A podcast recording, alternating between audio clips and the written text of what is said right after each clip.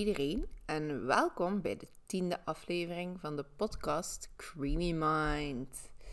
Uh, vorige weken, ja, ik heb dat al uh, in mijn vorige aflevering gezegd, waren niet als, zoals gepland. En uiteindelijk is deze week ook absoluut niet hoe dat gepland was. Um, maar het is wel dezelfde structuur deze keer. Um, dus in deel 1 hebben we gesproken over um, ja, wie dat het slachtoffer was, hoe dat zijn leven was, wat dat er gebeurd is en uh, het onderzoek er rond. En nu vandaag in deel 2 ga ik een beetje vertellen over de daders. Uh, eerst eventjes een uh, korte samenvatting over wat ik de vorige keer heb verteld. het ging dus over James Bulger. Bulger. iedereen spreekt het een beetje anders uit. Ik hoor verschillende versies, dus ik ga zeggen Bulger. Um, wordt, uit, ja, wordt vermist. Uh, hij verdwijnt uit het winkelcentrum waar dat hij was met zijn moeder.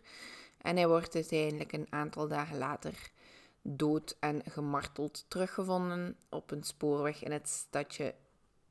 Ja, het gebuurtenstadje. Dus een, een van de buurstadjes, zo bedoel ik het.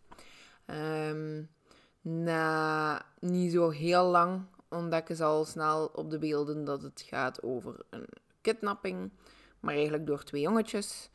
Uh, ze denken niet direct dat de twee jongetjes de James vermoord hebben, maar toch dat ze misschien iets gezien hebben of dergelijke. En als ze ze eindelijk vinden en ondervragen, beseffen ze al snel dat ze de moordenaars eigenlijk in hun midden hebben. Uh, en ja, op die manier ja, arresteren ze dus de twee jongens. Dat is Robert Thompson en John Venables. Uh, en ze worden beiden veroordeeld tot minstens acht jaar cel. Um, ik ga ook in dit deel vertellen over wat er na hun um, straf gebeurd is met hen, hoe dat nu met hen gaat, waar dat ze nu zijn en zo verder.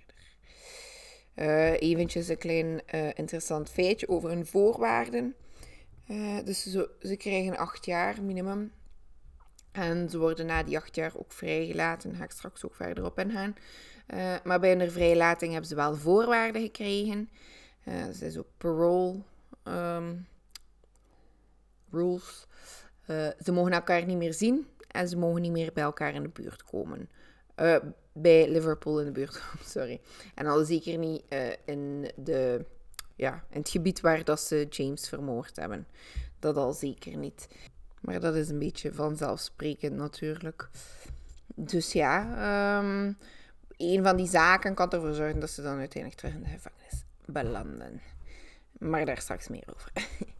um, we gaan beginnen bij Robert Thompson. Um, zijn mama was Anne. Um, Anne heeft ook door heel het uh, proces en nu nog steeds geloofd dat James, uh, dat Robert Tom, Thompson James niet vermoord heeft. Oh, al die naam. ik heb het al een keer gezegd, ik ben slecht met namen en zo. Um, Robert Thompson wordt geboren op 23 augustus in 1982. Dat is in Liverpool dat hij geboren wordt.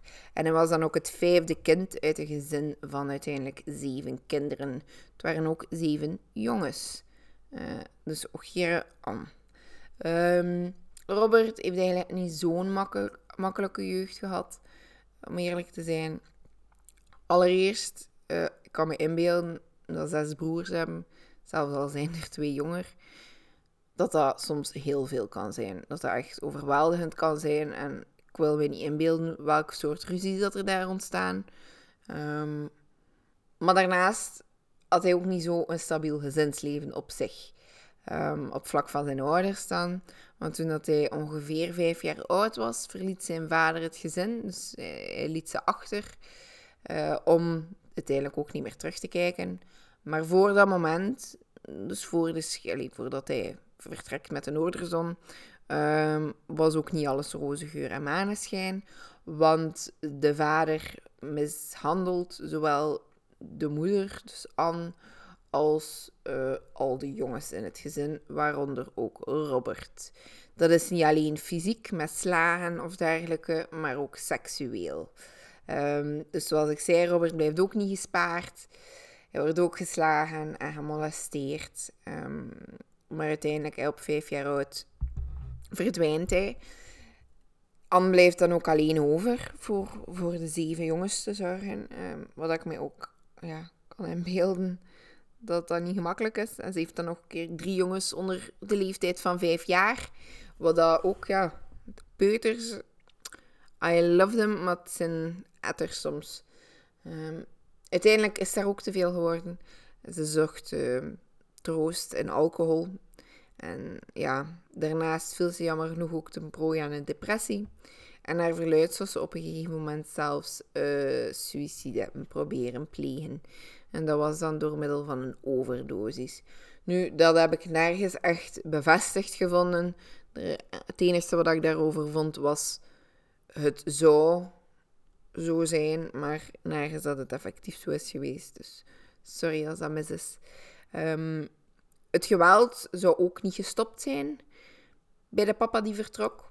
Um, de, ja, de jongens op zich, ja, jongens en meisjes, allee, kinderen in het algemeen, die zien iets en, die doen dat na.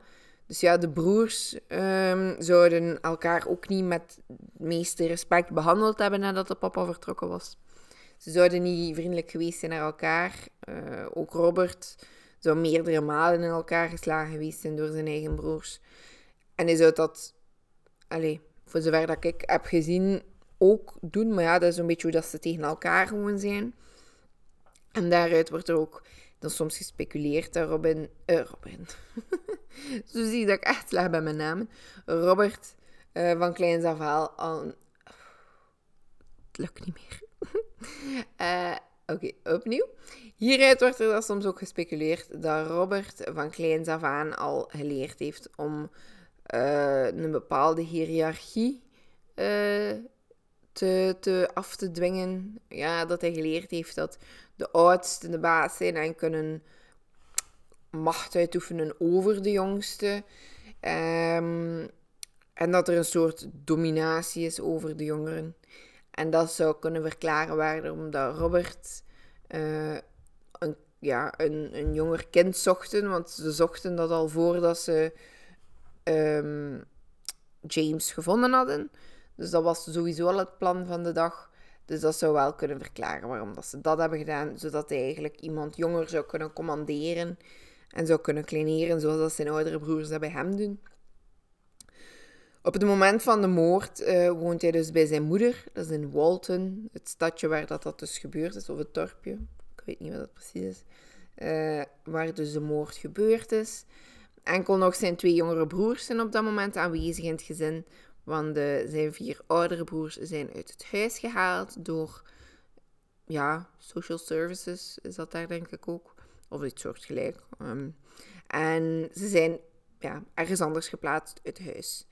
Het is dan ook um, echt niet ver van de crime scene. Ze zijn er echt maar op een paar honderden meters van verwijderd. Zijn uh, koele en bewaarde houding, dat hij dan tijdens het verhoor uh, toont, zal dat waarschijnlijk ook wel een direct resultaat geweest zijn van de mishandeling die hij thuis onderging. Hij was waarschijnlijk echt al veel erger gewend van, ja, van manipulatie en dergelijke. Dus hij wist wel, hij wist wel hoe dat hij daarmee om moest gaan. En daarom dat hij ook nooit ja, brak over zulke dingen. Um, dus ja, er zijn wel een paar verklaringen voor de manier waarop dat hij zich gedragen heeft en wat dat hij allemaal gedaan heeft. Hij zal ook waarschijnlijk iets sneller moeten opgroeien zijn, aangezien dat zijn papa weg was. Uh, en uiteindelijk de vier oudere broers die uit huis gehaald zijn, was hij de oudste thuis. En ja, dan als, als jongen heb ik al veel gehoord dat je het dan een beetje moet opstellen dat hij de nieuwe papa dan bent, die een beetje voor de rest van het gezin zorgt. En ik denk dat hij dat ook wel zal gevoeld hebben. Um, tijdens zijn verhoor laat hij, uh, begint hij wel zo wat details los te maken. Hè. Zoals ik de vorige keer heb gezegd, dat ze bijvoorbeeld wel effectief in het winkelcentrum waren samen. Maar uh, je gaat hem nooit horen zeggen en nooit horen bekennen dan, allee, toen dat hij klein was, dat hij de moord gepleegd heeft of dat hij, dat hij erbij betrokken was. Um, maar uiteindelijk als, als het dan op, het, op, op het, uh, allez, de zaak zelf voor de rechtbank eh, komt, dan begint hij wel te bekennen dat hij deel heeft uitgemaakt van de misdaad. Maar uh, hij vertelt wel iets anders dan wat er origineel wordt gedacht. Hij uh, zegt zelf dat hij eigenlijk deed wat John van hem vroeg. Dus dat John eigenlijk de grote man van het verhaal was en dat John het allemaal bekokstoofd heeft en dat Robert eigenlijk gewoon mee is gegaan in het verhaal.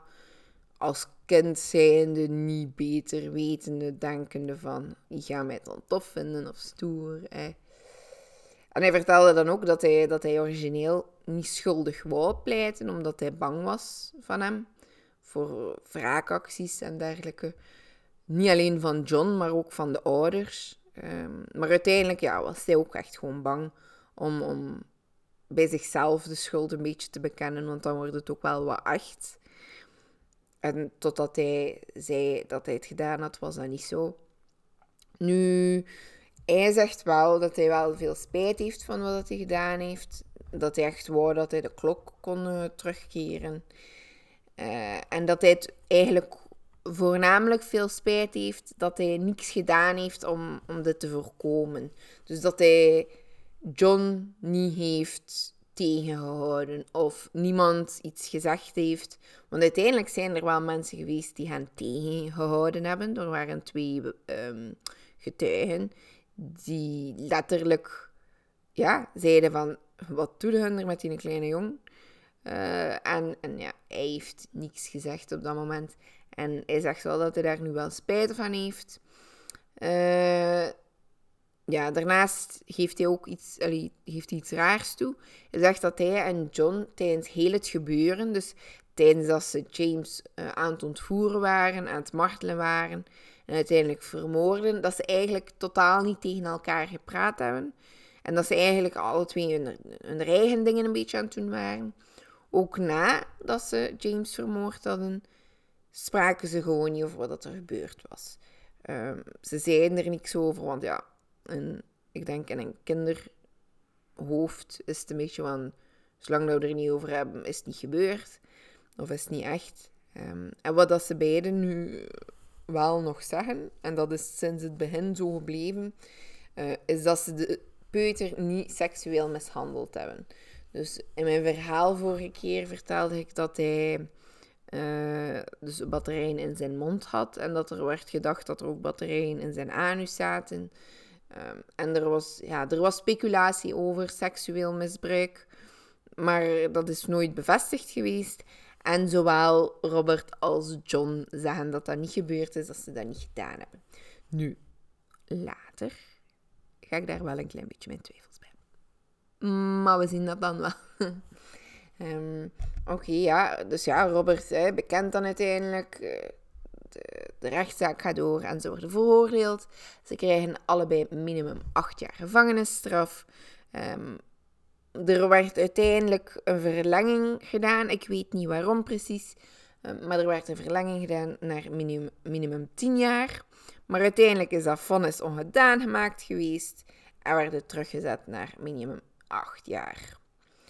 Op 22 juni 2001 tien jaar geleden ongeveer, was zijn acht jaar gedaan en uh, werden ze vrijgelaten. Hij kreeg dan ook een nieuwe identiteit en hij verhuisde naar een nieuwe staat. Uh, alleen naar een nieuw, ja, een nieuw dorpje of stad, gemeente, whatever. Uh, en dat deed hij voornamelijk voor zijn veiligheid. Want ja, hij is een kindermoordenaar. Kindermo kindermoordenaars staan al niet zo hoog. Allee, op zijn algemeen niet. Um, maar ja, ook, ook voor de slechte mensen en zo. Andere mensen in de gevangenis ook. Uh, die vrijkomen en die tot aan het weten komen. Allee, er zijn...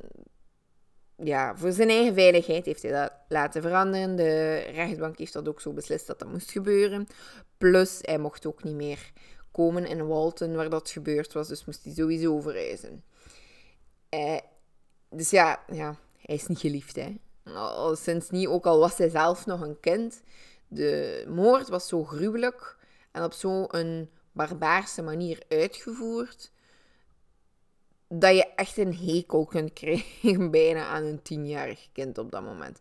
Plus ja, het gaat over een tweejarige peuter. Die, die zijn nog zo weerloos. Je zou kunnen zeggen van... Oké, het was een ander tienjarig kind.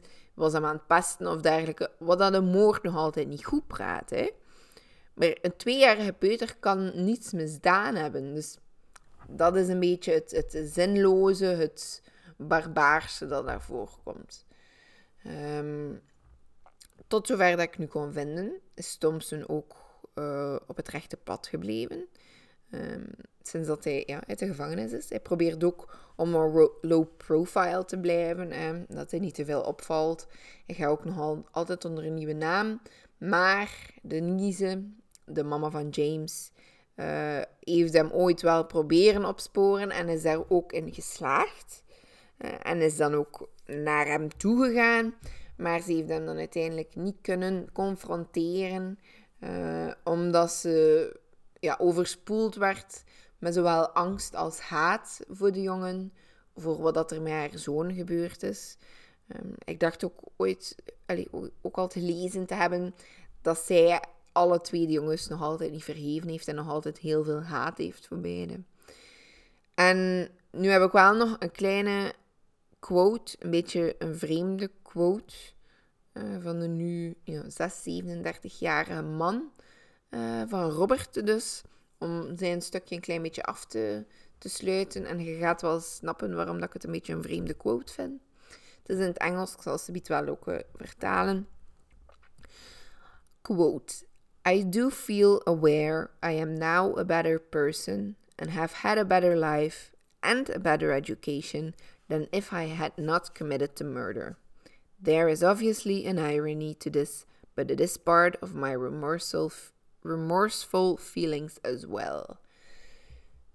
De vertaling. Uh, ik ben er mij van bewust dat ik nu een beter persoon ben en dat ik een beter leven heb gehad en een betere educatie dan wanneer ik de moord niet gepleegd had. Er is uh, een ironie te vinden, um, maar dat is een deel van zijn, zijn spijt dat hij voelt.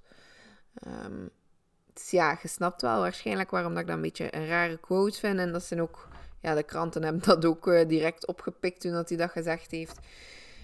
Hij zegt eigenlijk van ja, als ik die moord niet had gepleegd, was ik waarschijnlijk slechter terechtgekomen. Dus ik ben content dat ik dat gedaan heb, want nu kom ik er goed uit. Um, ik denk ook dat hij dat zo niet bedoeld heeft, natuurlijk. Um, maar het is wel een beetje een spijtige uitdrukking van hem. Maar dus ja, Robert is uiteindelijk wel nog goed op zijn benen terechtgekomen en heeft niks slechts gedaan na zijn gevangenisstraf. Heeft er misschien zelfs wat uit geleerd, ik weet het niet.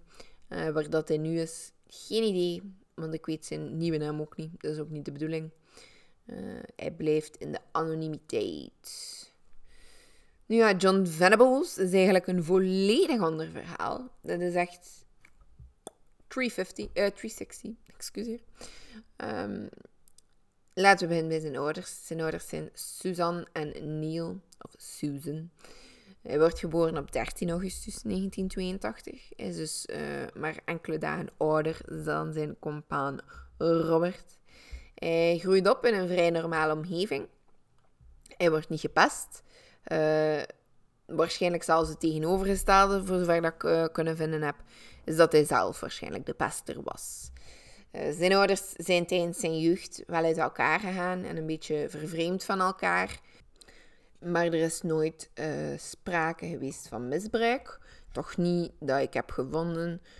Um, er is geen mishandeling geweest, nog emotioneel, nog fysiek. Um, maar zijn mama zou na de scheiding wel uh, psychiatrische problemen ontwikkeld hebben. Deels door stress. Want ja, ik heb niet gevonden of dat hij broers of zussen heeft. Maar ja, ze moest het gezin toch plots alleen gaan onderhouden.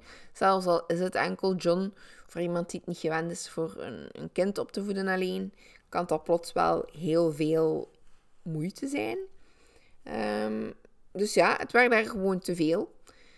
En John zelf zou ook wel um, een beetje last hebben gehad met de scheiding. Zou ze niet zo goed hebben opgepakt. En misschien zou hij dat dan ook wel op school uitgewerkt hebben door anderen te pesten. Zijn ouders zijn hem tijdens het onderzoek wel altijd blijven steunen, zelfs tot op de dag van vandaag.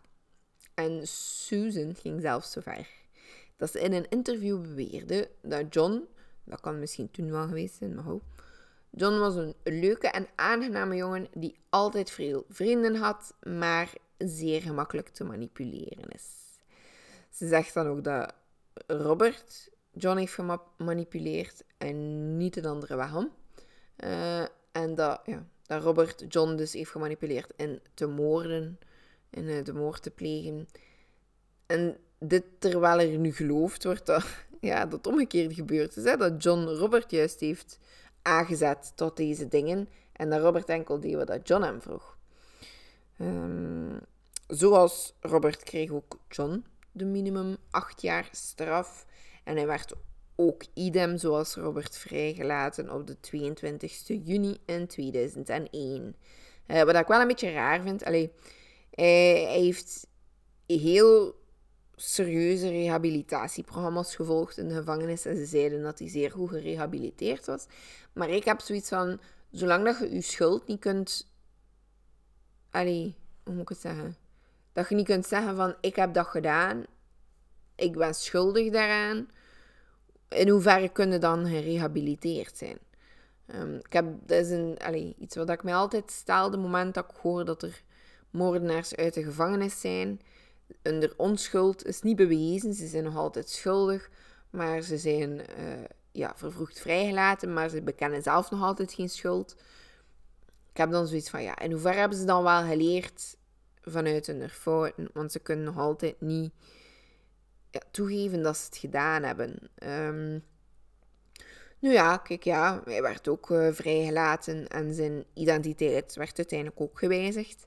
Uh, alleen heeft heeft zijn eerste nieuwe identiteit niet zo heel lang geduurd. Op een gegeven moment heeft hij zijn cover zelf opgeblazen, uh, want hij begon aan vrienden van hem te vertellen dat hij een veroordeelde moordenaar was. Zo zie je maar welke trots dat er bij hem ook uh, kwam met zijn daden. Um, wat dat zijn bedoeling eigenlijk was, ja, geen idee, niemand weet het. Waarschijnlijk iets of was stoerdoenerij of dergelijke. Um, maar ja, hij had dus een nieuwe identiteit nodig, want de mensen wisten plots wie hij was. In 2008, uh, eh, jammer genoeg, zeven jaar later, werd hij opgepakt. Um, hij was opgepakt voor te vechten, voor geweld. Um, waar dat hij uiteindelijk slechts een waarschuwing voor kreeg. Hij zei zelf dat dat er zelfverdediging was, dat de ander hem aanviel en dat hij gewoon zichzelf ja, verdedigde. Mm, maar ja, in hoeverre dat hij... Ja? We hebben al gemerkt, heeft een probleempje met kunnen toegeven dat hij fout zit.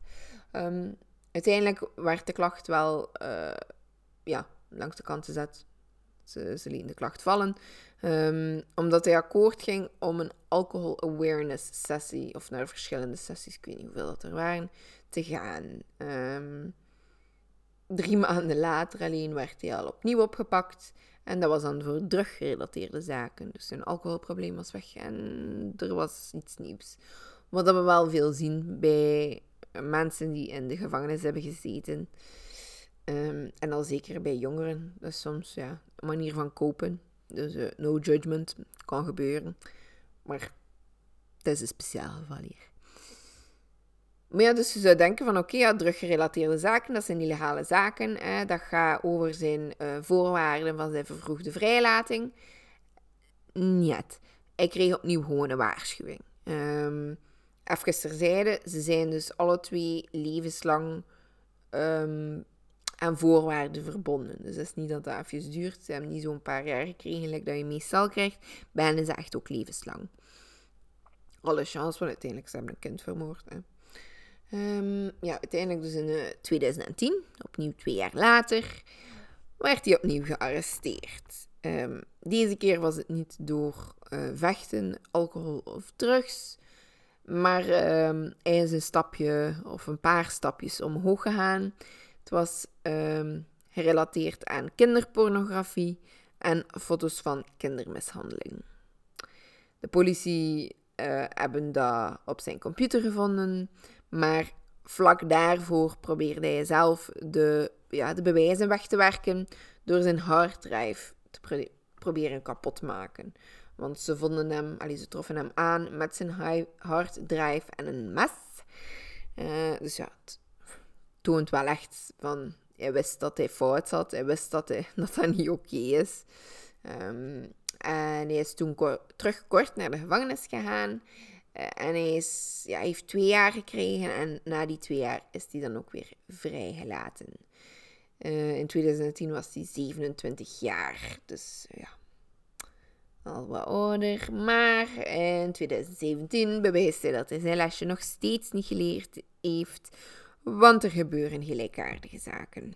Uh, opnieuw door die levenslange voorwaarden dat ze hebben, zijn ze regelmatig, uh, alleen moeten ze regelmatig check-ups ondergaan.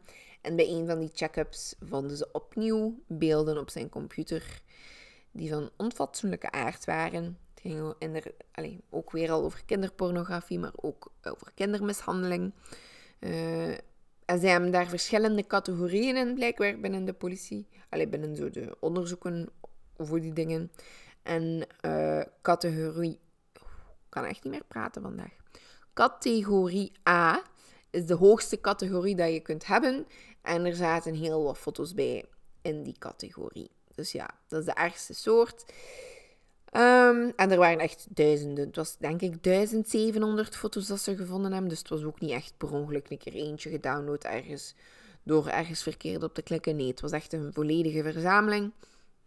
En hij gaf zelf ook toe dat hij een soort pedofielen handleiding had liggen. Waarom bestaat dat zelfs? Ehm, echt niet oké. Eh, hij is 35 op het moment dat dat gebeurd is. Dus zeven jaar na uh, de eerste feiten. En hij krijgt maar 40 maand.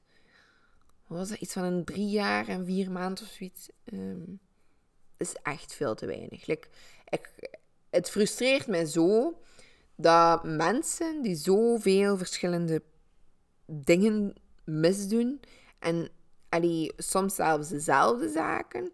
Dus het is nu al de tweede keer dat ze dat gevonden hebben bij hem. Dat die gasten niet langer in het gevangen moeten zitten. Want allee, hij heeft zelf al bewezen bij de vorige keer. Hij heeft twee jaar vastgezeten. Hij heeft er niks van geleerd. Zeven jaar later was het weer van hetzelfde. Dus, allee, ja. Ehm, en daarnaast, ze moeten allee, de, de, de puntjes ook een klein beetje verbinden. Hè. Bij James's moord was er ook, allee, dachten ze ook dat er iets van seksueel misbruik was. Dan heeft hij die foto's in 2010, nu opnieuw in 2017. Er zou toch een lampje moeten beginnen branden. Uh, toont toch wel echt dat hij niet leert uit zijn fouten en uit zijn straffen dat hij krijgt. Allee, hij heeft acht jaar in de gevangenis gezeten voor de moord op James. Twee jaar voor die foto's in 2010. En nu gaan ze hem maar drie jaar en een paar maanden geven voor opnieuw die foto's. En dan nog uit categorie A. Like, het frustreert mij zo hard. In mijn ogen zou hij echt levenslang moeten vastzitten. Um, maar ja, dus dat gebeurt niet. 40 maanden. In 2020 probeert hij ook vervroegd vrij te komen, maar gelukkig werd dat geweigerd. Maar uh, ja, moest hij ooit vrijkomen, dan hangt hij wel vast aan levenslange maatregelen. Uh, en hij moet zich dan zo per maand of per week, ik weet niet hoe frequent, maar toch wel vrij frequent, moet zich gaan aanmelden aan zo'n parole bureau. Uh, voor zich ja, te tonen dat hij toch nog altijd op het goede pad zit waarschijnlijk. Ja. Ik weet ook niet in hoeverre dat ze dan zeggen van je moet je computer meedoen of dit en dat. Of dat hij nog een computer mag hebben. Ik weet dat niet. Maar ehm, ja, hij gaat dus wel vasthangen aan veel maatregelen. Um, normaal gezien, ik ging, allee, ik heb dat in het begin van de aflevering ook gezegd. Normaal gezien zijn ze in de anonimiteit getreden, maar daar hangen ook wel voorwaarden aan vast. Die anonimiteit was slechts geldig als ze niet opnieuw in de fout gingen gaan. Dus als ze, zoals Robert, zich mooi aan de regeltjes houden. Maar ja, voor John is dat dus eigenlijk al lang onheldig geworden. Want ja, eerst 2000 en, wat was het? 2008, 2010, 2017. Het zijn drie verschillende zaken waarvoor dat hij in aanraking komt met de politie. De, ik denk dat de papa en een onkel was van James, zijn dan ook naar de rechtbank gestapt. Om te zeggen van, kijk, die man heeft geen recht meer op die anonimiteit. Hij heeft opnieuw feiten gepleegd. Hij heeft opnieuw in de gevangenis gezeten. Iedereen zou moeten weten wie dat deze man is, want die is gevaarlijk. Uh, allee, de mensen moeten hun kinderen kunnen beschermen, toch? Maar ja, uh, ja, de rechter wil dat niet doen. Uh, dat wordt geweigerd. En dat vind ik ook heel oneerlijk, voornamelijk naar de familie van James toe.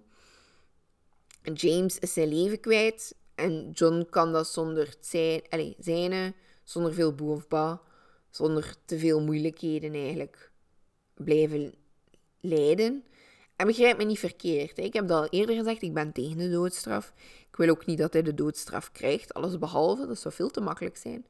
Um, maar hij zou in ieder geval zijn eigen identiteit moeten gebruiken. Uh, hij zou tegen de lamp moeten lopen op die manier. Hij zou langer in de gevangenis moeten zitten. Hij zou echt meer moeten boeten voor hetgeen wat dat hij doet. Maar dat doet hij nu momenteel niet.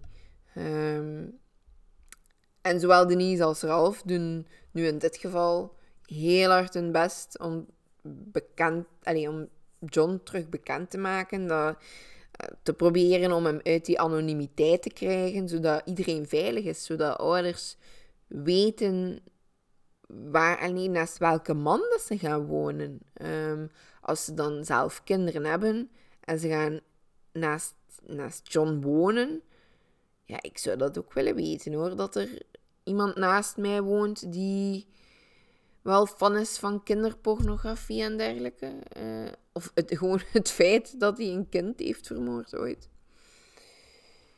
Maar ja, dus ja, uiteindelijk is het ook de grote vraag: wie heeft wie gemanipuleerd? Um, ik denk dat dat ook een groot vraagteken gaat blijven. Geen van beide mannen ondertussen, uh, 37-jarigen, gaan ons waarschijnlijk nog vertellen hoe dat eigenlijk echt zat die dag. Um, we weten dat ze het samen hebben beslist, dat ze samen een jongen hebben uh, ontvoerd. James, beter gezegd. Dat ze samen hem gemarteld hebben en hem samen uiteindelijk ook vermoord hebben. Om hem dan samen op de sporen te leggen.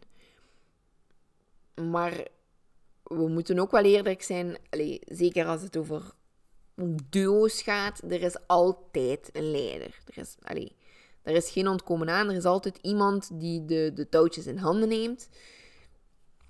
En ja, ik weet het niet. En langs de ene kant denk ik dat Robert de leider was.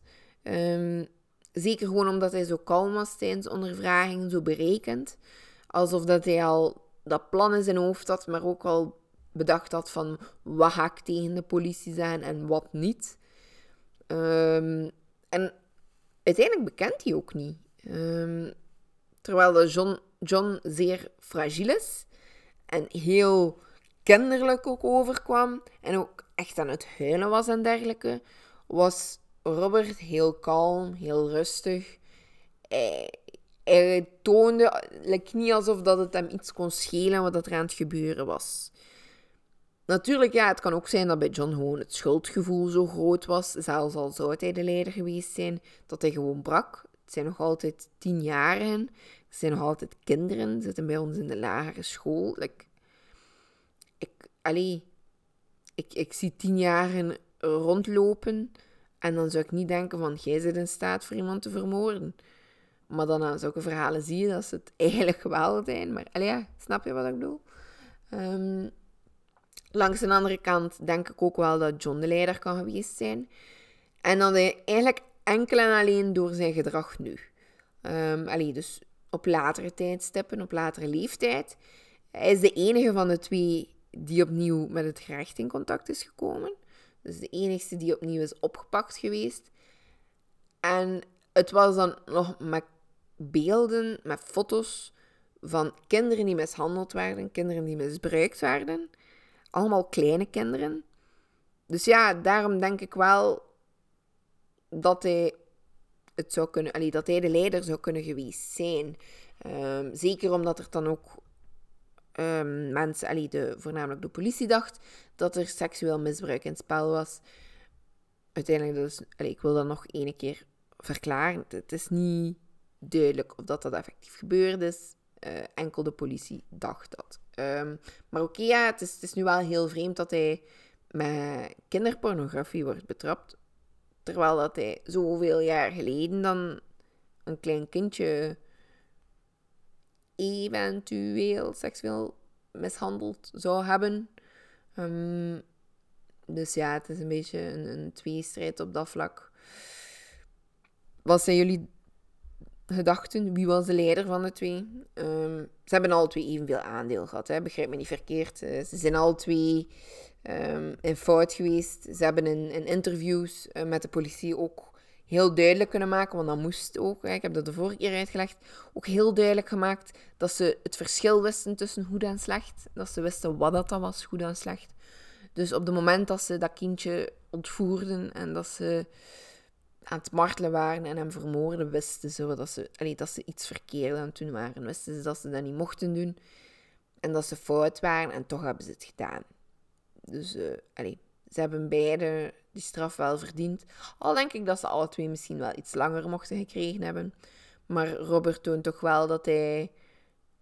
Ja, of dat hij nu spijt. Ja, of dat hij er iets uit geleerd heeft, dat weet ik niet. Maar hij doet toch niks meer verkeerd momenteel, voor zover dat wij weten. Um, maar ja, John, diegene waarvan dat ze dachten dat het beste gerehabiliteerd was, bewijst hen het tegendeel. Um, maar kijk, ja. Dat was de zaak van James, James Bulger. Um, ik hoop dat jullie deze aflevering ook interessant vonden. Um, het geeft wel een, een interessant beeld over hoe dat de thuissituatie deels dingen kan verklaren van moordenaars, maar dat dat toch ook niet altijd het geval is. Het zijn echt twee uitersten. En ja, het is, niet altijd nurture nature speelt ook een rol. Dus ja, je weer eventjes wat bijgeleerd vandaag. Ehm, dus ja, ik hoop dat jullie uh, het een interessante zaak ook vonden. Uh, als jullie nog meer gelijkaardige zaken willen horen, want zijn er wel, um, wil ik dat gerust ook doen. Zo hebben we de zaak van de Noorwegse kleine meid, hoe noemen ze Silje Riddegaard. Uh, zij is doodgeslagen geweest, ook door twee jonge jongentjes. Um, en ja, het is eigenlijk een vrij gelijkaardige zaak, want ze worden echt vaak aan elkaar, allez, tussen elkaar, tussen haakjes gelinkt.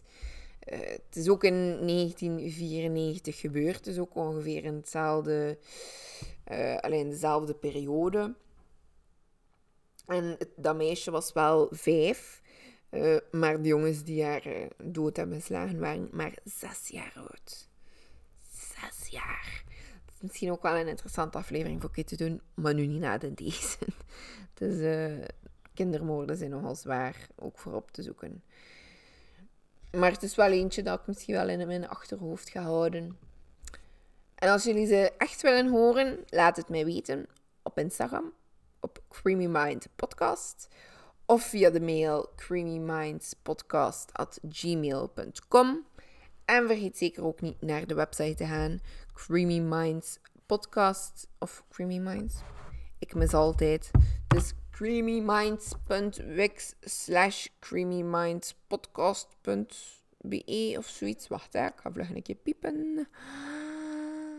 Bijna creamyminds.wixsite.com slash creamymindpodcast. Dus neem ook zeker een keer een bezoekje. En uh, laat mij iets weten als jullie uh, een bepaalde zaak graag zouden willen horen. Want ik wil heel graag rekening houden met jullie, tussen haakjes, favoriete zaken. Het mogen ook vermissingen zijn. doe ik ook heel graag. Het moet niet opgelost zijn van mij. Onopgeloste zaken zijn nog toffer in mijn ogen omdat je zo wat meer kunt speculeren over wat er gebeurd is en dergelijke. Um, er komen binnenkort ook een paar uh, samenwerkingen aan. Ik heb al een paar mensen die eh, samen met mij een paar zaken gaan bespreken, wat ik wel zeer tof vind en waar ik zeer enthousiast over ben, want ik weet van de meeste al welke zaak. En het zijn echt leuk. ik ben echt uh, benieuwd wat jullie er gaan van vinden. Oké, okay, dan ga ik jullie laten. Ciao!